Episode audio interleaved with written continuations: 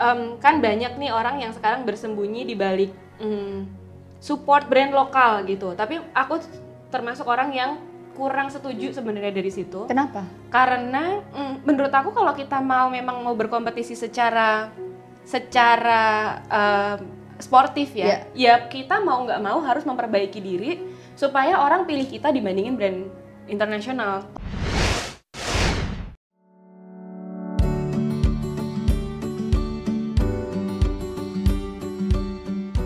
Yang orang lain katakan tentang kita kalau kita lagi nggak ada di ruangan itu disebut sebagai personal branding.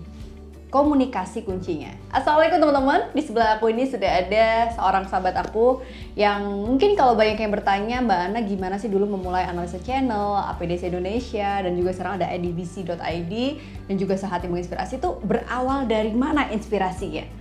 Jawabannya adalah Uma Hafsari. Aduh, Mbak. Yeay, welcome to Yeah, our thank you channel. Mbak Ana. Thank you so much for having me. Thank you banget. Aduh, Uma Hafsari ini teman-teman salah satu uh, temen aku yang kita tuh dulu hamil bareng. Kami bareng. Barengan banget, beda cuma sebulan, dua bulan kali Iya, ya, dua tiga bulan. Anak kita pertama itu jaraknya cuma dua bulan, terus kayak kita senam hamil bareng. Iya, dari situ kayaknya ya deket ya. Iya. Meskipun kenalnya udah lama sebenarnya. udah lama, tapi kita baru ketemu lagi waktu kita uh, jadi ibu hamil bersama. Nah, anyway, waktu itu 2015 aku bikin APDC. Aku ingat banget Uma, waktu itu salah satu yang mendorong aku untuk ngebikin Instagram, YouTube sekarang itu adalah Uma. Aduh. Jadi Uma ini teman-teman founder dari Amazara, brand sepatu yang kita pakai ini nih. Dulu aku juga ingat loh, waktu kita kan similar banget ya mulanya ya, Mas Zara sama APDC Iya, iya, waktu benar. itu. Terus aku ingat juga waktu itu kita lagi makan di mana ya itu Di daerah Sagan. Di daerah Sagan, Hmm. iya. Terus habis itu em, aku kasih banyak input sama Mbak Ana soal personal brand Mbak Ana dan Mbak Ana juga kasih banyak banget input ke aku mengenai kamu tuh pasti bisa loh Ma bikin yang kayak gini-gini ini loh Ma. Kayak gitu ya? Iya, Ingat ya? banget, ingat Kayak banget. gini-gini loh. Iya Mbak, aku tuh bikin bisa ngejelasin. Iya, kayak gitu. aku tuh pengen bikin yang begini, yang begini, yang begini gitu. Terus fast forward udah berapa ya? Hampir lima tahun ya hampir lima tahun. Hampir lima tahun kemudian, akhirnya yang tidak bisa dibicarakan kemarin itu menjadi sesuatu yang cukup nyata sekarang. Gak ada yang nyangka ya. Lima tahun yang lalu nih pas kalau APDC Mei ini lima tahun yang lalu aku ngobrol sama dia brainstorming terus kayak Uma ngasih saran Mbak Ana kamu harus bikin personal branding yang bagus karena Uma ini teman-teman aku kasih dulu backgroundnya Uma dulu sekolah Aku sekolah di Macquarie University namanya, itu di Sydney, Mhm, um, Australia jurusannya ya? Australia, jurusannya International Communication. Yang aku pelajarin itu media broadcasting, Wow. terus public relation, sama journalism. Jadi Uma ini eh, aku kenal dia tuh waktu kita aku masih SMA dia SMP kita ikut sebuah kompetisi Jadi sampul. terus kayak waduh zaman-zaman model model wannabe akhirnya kita gagal semua jadi model tapi gak apa-apa lah ya Sampai semifinal apa ya kita? Apa Iya, ya? Apa iya. something like that? itu kayak momen yang nggak pernah aku lupain gitu ya tapi at some Ya waktu point- itu aku gini, ah secakep Mbak Analisa aja gagal, gue mah nggak usah bilang nggak apa-apa. Nggak literally aku mikir kayak gitu Iya, dulu, iya. jadi ya udah tapi nggak apa-apa. tapi keren banget abis itu kamu ambil jurusan komunikasi Mm-mm. kenapa Uma komunikasi dan aku kayak sering banget ngebahas Mm. tentang personal branding ini adalah nggak bisa jauh dari communication Oke. gitu apa alasan Uma yang emang backgroundnya dari kecil udah belajar bisnis karena Uma ini memang dari kecil orang tuanya adalah Iya, pebisnis gitu ya tapi kenapa nggak ambil sekolah bisnis Iya. kenapa komunikasi Itu banyak banget juga yang nanya Kak Uma tuh sebenarnya kalau misalnya kita mau bisnis itu perlukah sekolah bisnis Mhm. gitu.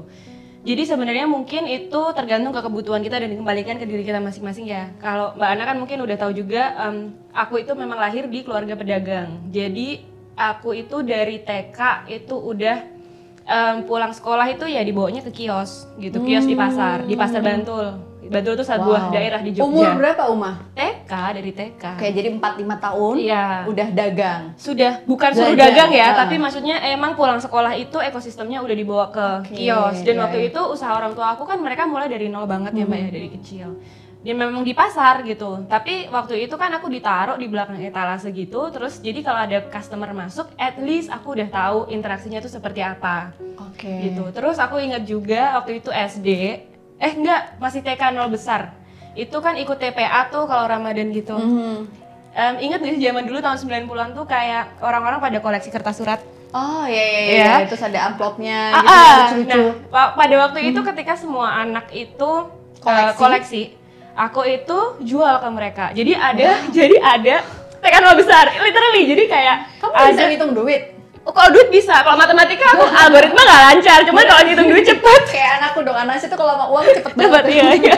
Jadi gini, kayak di deket rumah itu kan ada satu toko ATK alat tulis kantor. Nah mereka itu jual tuh kayak kertas surat tuh per kodi gitu loh. Oke. Per kodi, per lusin, per 12. Jadi aku pikir kenapa nggak beli 12 aja, terus eh, ditawar-tawarin ke yang lain gitu. Oh. Dan waktu itu actually lumayan banget uangnya. Ya kita nggak ngomongin big money, tapi Iya, iya. untuk anak kecil dapat koin kan lumayan. bener. Punya gitu. ide jualan aja tuh udah keren banget menurut aku. Seneng soalnya. Heeh, nah, heeh. jadi kembali lagi kalau ke pertanyaan Mbak Ana tadi, apakah bisnis itu perlu dipelajarin dan kenapa aku akhirnya mengambil komunikasi? Iya, iya. Itu karena menurut aku gini ya, bisnis itu sebenarnya bisa melalui jiwa kita dulu juga. Jadi jiwanya harus ada jiwanya, jiwa bisnis. Eh, eh, karena em, kayak aku ini sebenarnya mungkin orang bilang kayak Uma mulut lu tuh kayak tukang marketing deh gitu. Maksudnya kayak emang otomatis kalau kita ngomongin produk tuh begitu. Tapi itu tidak bisa jalan tanpa pengetahuan aku di komunikasi. Oh, gitu. oke. Makanya aku ngerasa sebenarnya bisnis itu kan berubah terus ya. Mm-hmm. Kalau kita memang mau jadi manajer atau mungkin kita mau jadi profesional, terus kita butuh tahu ilmunya, it is super important untuk kita bisa belajar teorinya. Oke. Gitu. Jadi misalnya kita mau jadi expert di um, akuntansi misalnya. Mm-hmm. Kita mau jadi buka bisnis di uh, bidang konsultan akuntansi gitu. Ya of course kita harus belajar dan punya sertifikasi tersebut. Oke. Iya nggak? Iya betul. Misalnya Mbak Ani mau jadi psikolog, kan nggak mungkin dong Benar, benar, kalau nggak punya itu. Hmm. Jadi kalau itu memang hubungannya dengan skill, aku sangat setuju kalau itu memang butuh pendidikan yang Relate um, ya? Iya, yang dan dan yang harus sesuai dengan kualifikasinya. Oke. Karena itu menunjukkan betapa kita menguasai dan ada satu lembaga yang memang uh, bertanggung jawab Betul, gitu. Oke, dia approve gitu. Tapi kalau hubungannya dengan melihat peluang, kemudian hubungannya dengan apakah bisnis Hmm, gitu ya. itu sebenarnya sesuatu yang constantly evolving dan itu adalah sesuatu yang memang karakter sih. Jadi natural gitu prosesnya. Sebenarnya begitu karena itu sangat berhubungan dengan attitude kita sehari-hari sebenarnya Oke, gitu. baik. Makanya kalau kita lihat nih ya teman-teman Analisa Channel banyak banget anak yang sekolah bisnis tapi belum tentu bisnisnya sukses. Sebenarnya begitu karena kalau kita Hmm. ngomongin teori bisnis dengan kenyataan ketika ada peluang bisnis itu dua hal yang sangat berbeda.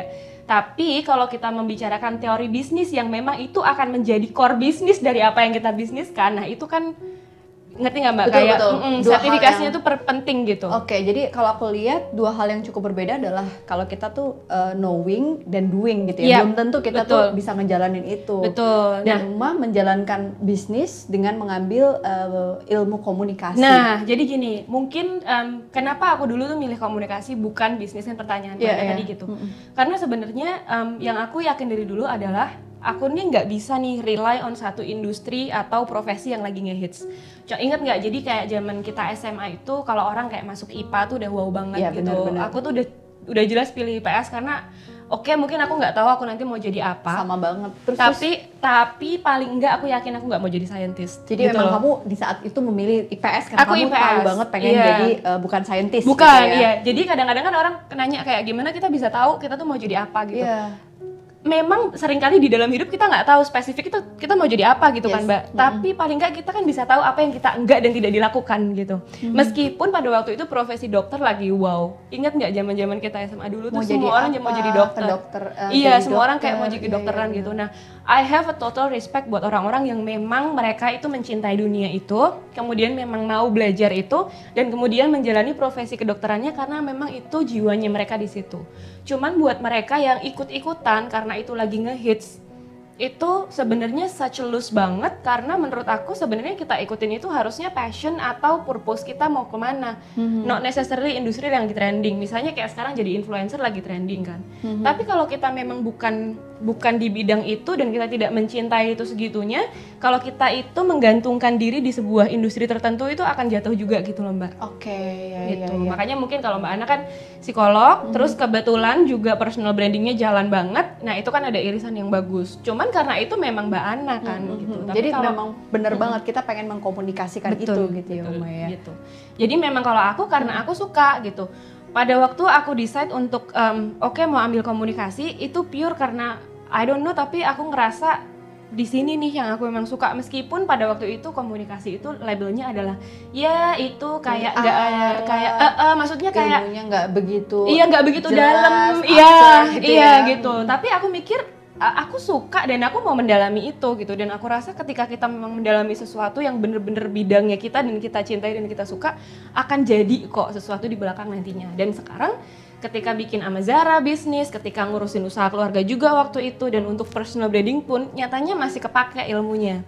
Oke, Gitu. jadi ini poin pentingnya nih teman-teman. Ketika kita cuma ikut-ikutan doang, nggak tahu purpose kita tuh apa ketika mempelajari sesuatu itu nggak akan jadi. Tapi ketika kita tahu banget, emang ini aku suka nih, terus aku memang punya alasan untuk uh, mengambil itu, akhirnya itu yang menjadikan Umahab sehari-hari ini. Iya betul. Karena kalau Oke. misalnya kita ngikutin suatu industri tertentu, begitu industri itu jatuh, misalnya kayak dulu kan engineer cool banget, atau misalnya dulu kan entrepreneurship nggak cool gini mbak. Benar-benar dulu tuh pokoknya harus kerja uh, Eh, eh, di sebuah kayak- perusahaan yang Iya multinational company. Multinational. Atau dulu wira swasta itu kan kesannya kayak nggak ada kata uh. entrepreneurship gitu. iya iya benar-benar. Iya kan kayak wah lokal brand kan nggak kayak gini dulu. Tapi seandainya em, dulu em, kita ngikutin apa yang lagi ngehits aja, kita kan nggak bisa berinvestasi pada karakter kita yang sebenarnya gitu. Oke, nah menarik nih teman-teman. Aku mau coba kita fokus ke brand Amazara sendiri ya, Uma. Karena kan Uma ini punya banyak segudang prestasi teman-teman. Salah satunya juga dapat apa di Swa Magazine. Oh iya ada award, ada award. em, Boleh diceritain nggak itu? Iya itu sebenarnya kayak mereka hubungin terus eh, kayak kasih award gitu Sebagai sebagai Indonesian Young Young Woman Future Leader. Yang- keren banget. Dan itu kamu dapetinnya di under 30 ya, di bawah umur 30 Iya, tahun.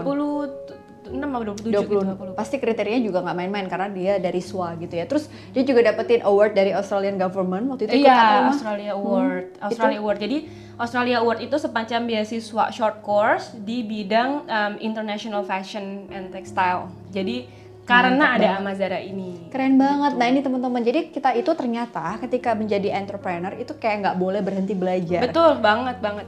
Karena kita harus update terus kan mbak sama Betul. apa yang lagi ini. Kalau kita ngelihat aja nih misalnya algoritma Instagram tiga tahun lalu sama sekarang tuh udah beda banget. Betul, betul. Reach-nya beda banget. Gimana caranya kita bisa mengkomunikasikan brand kita dulu? Ingat nggak kalau mungkin teman-teman tahu deh, zaman dulu tuh mungkin 2014 gitu kayak SFS shout for shout Hmm, itu kayak masih oke banget gitu. Sekarang kita udah nggak bisa menggunakan metode yang sama, meskipun sama-sama berkomunikasi, tapi caranya gimana harus kita pelajarin terus. Aku tuh juga setiap hari aku baca um, berita yang bener-bener evidence dan research based. Terus habis itu aku juga ngikutin terus update-nya Instagram tuh apa karena platform Instagram ini kan Sekarang jualan lagi- Amazaranya kan iya, di sini iya, kan, Mbak. situ ya. Mm, jadi kita harus terus-terusan update ilmu. Oke, enggak. baik. Ngomong-ngomong soal brand Amazara sendiri ini sebagai salah satu menurut aku brand lokal terbaik karena ini sepatu emang apalagi yang yang ini ya ini enak banget nih aku pakai. Aku udah nyobain langsung nih teman-teman. Jadi Anas review ya, bukan endorsement. Bukan endorsement. Nah, ini gimana sih Uma caranya bersaing dengan brand-brand internasional karena kan kayak orang tuh wah ngerasa keren kalau pakai brand luar gitu kan. Terus padahal sebenarnya brand lokal juga nggak kalah. Oke. Gimana cara Amazara mengkomunikasikan bahwa brand Amazara ini nggak kalah sama brand-brand luar? Oke, jadi mungkin buat teman-teman yang belum tahu, Amazara ini uh, brand sepatu lokal dari Jogja. Kita mulai 2016 lah, 2015 akhir gitu. Kita jualan flat shoes, sneakers dan lain-lain. Dan um, konsep kita dari awal adalah affordably stylish dan itu harus comfortable juga. Gitu. Nah, kalau kita membicarakan tentang bagaimana cara bersaing nih Mbak, aku tuh sebenarnya kalau ditanya mm, persaing pesaingnya siapa, itu sebenarnya bukan antara sesama brand lokal, Oh, tapi justru kayak sama H&M, oh brand Zara, luar. Iya, Oh. karena karena mereka itu makan market yang cukup besar. Imagine kalau di Indonesia itu orang-orangnya memang memang lebih banyak pakai lokal brand. Itu kita mau saingan sebanyak apa tuh juga kuenya masih besar. Benar-benar. Gitu. Tapi kalau misalnya kita em, bersaing di kue yang kecil tuh ya dapetnya kecil Mhm. gitu. Jadi kalau aku ditanya sebenarnya kenapa aku support banget lokal brand yang lain, bahkan kadang-kadang kan aku juga bikin beberapa kelas online gitu kan, Mhm. Mbak, mengedukasi beberapa uh, brand owner lain. Banyak juga yang pesertanya adalah kompetitor. Oke, tapi Kompetitor- kamu nggak masalah sama itu Oh ya? enggak, karena aku merasa sebenarnya kompetitor dalam arti ini ya sama-sama jual sepatu Iya, lokal iya. gitu. Karena aku merasa justru bukan. Karena sebenarnya em, market lokal, market brand lo- brand lokal ini seharusnya masih bisa lebih maju lagi sehingga bisa berkompetisi dengan Brand-brand luar. brand internasional yang resource-nya atau mm, sumber dayanya pasti jauh lebih gede, fundingnya mungkin lebih gede Hmm. Yes. gitu ya. Nah, kembali ke yang Mbak Ana bilang tadi, em, kan banyak nih orang yang sekarang bersembunyi di balik mm, support brand lokal gitu. Tapi aku termasuk orang yang kurang setuju sebenarnya dari situ. Kenapa? Karena mm, menurut aku kalau kita mau memang mau berkompetisi secara secara em, sportif ya, ya kita mau nggak mau harus memperbaiki diri supaya orang pilih kita dibandingin brand internasional. Oke, jadi quality dari produk itu juga harus kualitasnya sangat penting. Kemudian em, image-nya gini kayak jangan jangan sampai customer kita itu beli karena kayak oh kasihan brand lokal terus mau beli itu kan not a very good brand image kan. Mereka mau beli ya karena mereka bangga dengan brandnya itu. Itu yang Oke. masih terus-terusan kita bangun, Mbak. Itu harus dibangun terus-terusan banget. Contohnya misalnya oh Mbak Ana aja mau pakai Amazara. Oh, Mbak Najwa Shihab aja mau pakai Amazara. Itu ya kan aku lihat di Natswasia pakai ini ya. Iya dan itu juga bukan endorse Hmm, gitu mbak. emang itu kan nge-build, iya, emang iya. dia pakai dan kita tahu mbak Najwa kan juga kalau pakai sepatu juga pilih-pilih ya. Betul, kan bener. memang ngehits banget beliau Hmm, ini sneakers. di uh, uh, di sneakers. Jadi gimana caranya kita tuh harus pintar-pintar mikir supaya uh, brand value dari apa yang kita jual itu memang bener-bener real. Karena kalau nggak bener real, orang tuh nggak akan balik buat beli. Nah, ini sebenarnya salah satu yang I learned the hard way juga Mbak Ana dari mm, waktu aku jatuh di Amazara kemarin. Jadi Amazara kan sempat bangkrut 2019. Iya, kita kalau uh, teman-teman coba googling gitu ya, berita tentang Amazara ini nggak begitu bagus di 2018 2019. 2019 gitu. Dari yang tadinya nomor sekian di platform-platform uh, e-commerce gitu ya, nomor 1 2 3 gitu ya, penjualan tertinggi tiba-tiba bangkrut. Iya. Gimana ceritanya itu, Uma? Wah ceritanya sebenarnya cukup panjang, tapi basically aku sebenarnya gini ya. Kenapa orang, kenapa brandnya bisa jatuh? Itu karena dua hal. Jadi yang pertama memang ada banyak technical things yang aku kurang sadarin.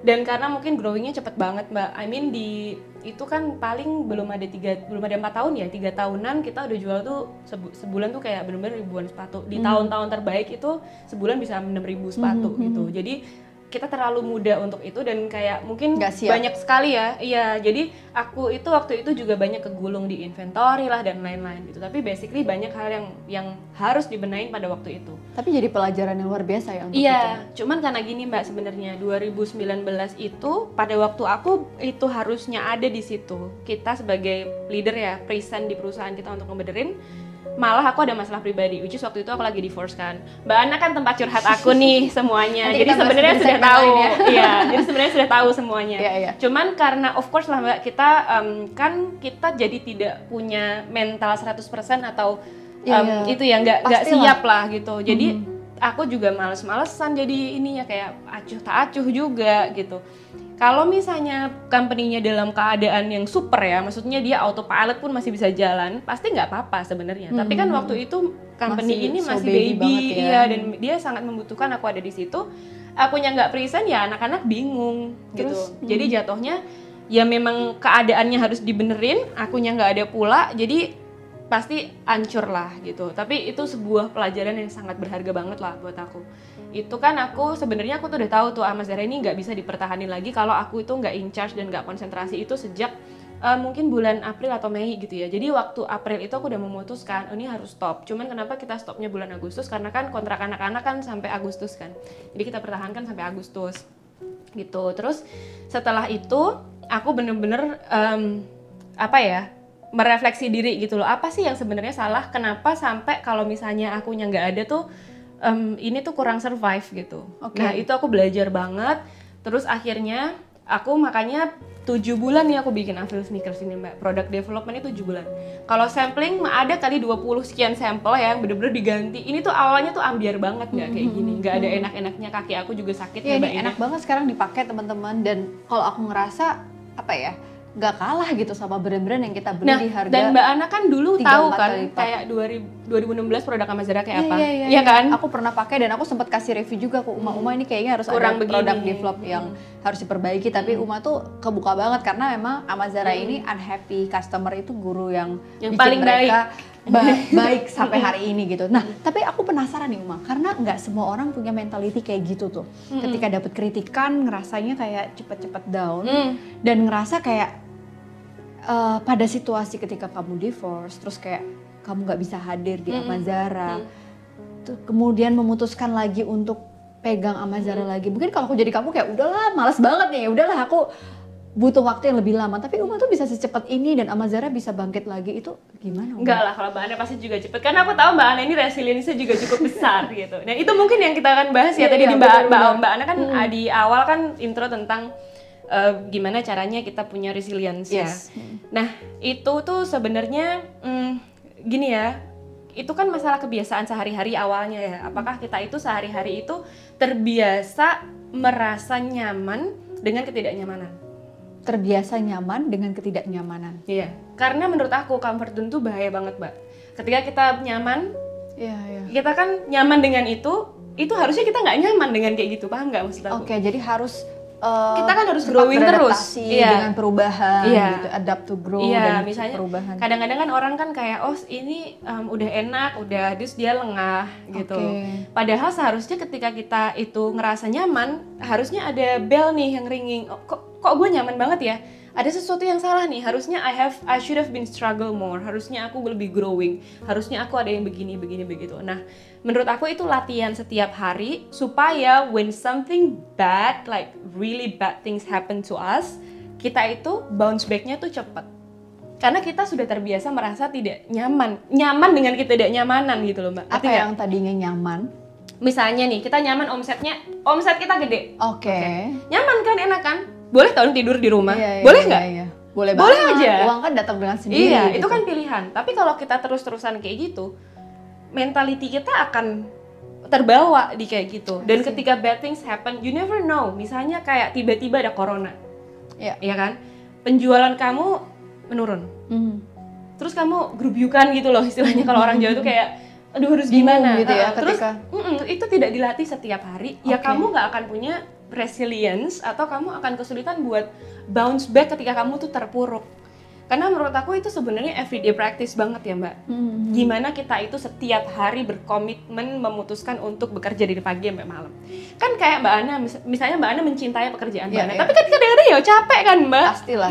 Online terus itu mata terpanjar lampu itu Iya. ya ada jenuhnya juga pasti gitu. jenuh pasti kadang-kadang kayak ah, I don't feel like it gitu loh kayak aduh kayak Jadi itu males kayak harus di, di kayak ibaratnya kita pengen ngebentuk uh, physically untuk kuat, kita kan harus ke gym tiap hari. exactly nggak Mentality bisa kan gitu. iya nggak bisa kan terus Instan. tiba-tiba ya itu loh Tiba-tiba kekar. jadi kayak banyak juga yang nanya ke Iya, aku iya, mbak iya. Uma tuh tipping pointnya kapan ketika kok sekarang begitu Amazara balik lagi malah konsepnya itu lebih, Lebih baik bagus. lebih strong lebih jelas brandingnya dan produknya lebih baik gitu Tip- tipping pointnya tuh kapan gitu sebenarnya tipping pointnya tuh udah beberapa waktu ya. Cuman kalau aku ditanya jujur sebenarnya itu latihan setiap hari. Kayak nggak bisa ada satu momen terus kayak oke kita bangkit dari kubur. Terus kita tiba-tiba punya banyak Strong energi. gitu ya. ya berubah gitu. Nggak Ah. nggak bisa kayak gitu. Jadi itu bisa dibilang sebagai sebuah journey perjalanan yang memang harus kita uh, sadari prosesnya. proses betul ya. banget. Ketika jatuhnya kayak apa Mm-mm. rasanya, terus bangkit laginya gimana dan itu kayak everyday practice yang tadi Betul. Uma sampein. betul Nah Uma, anyway ngomong-ngomong soal branding dan resilience, Mm-mm. ini nyambung banget orang yang pengen branding. Menurut kamu prefer produk branding atau personal branding? Karena banyak juga yang bilang nggak penting tuh produknya, yang penting foundernya.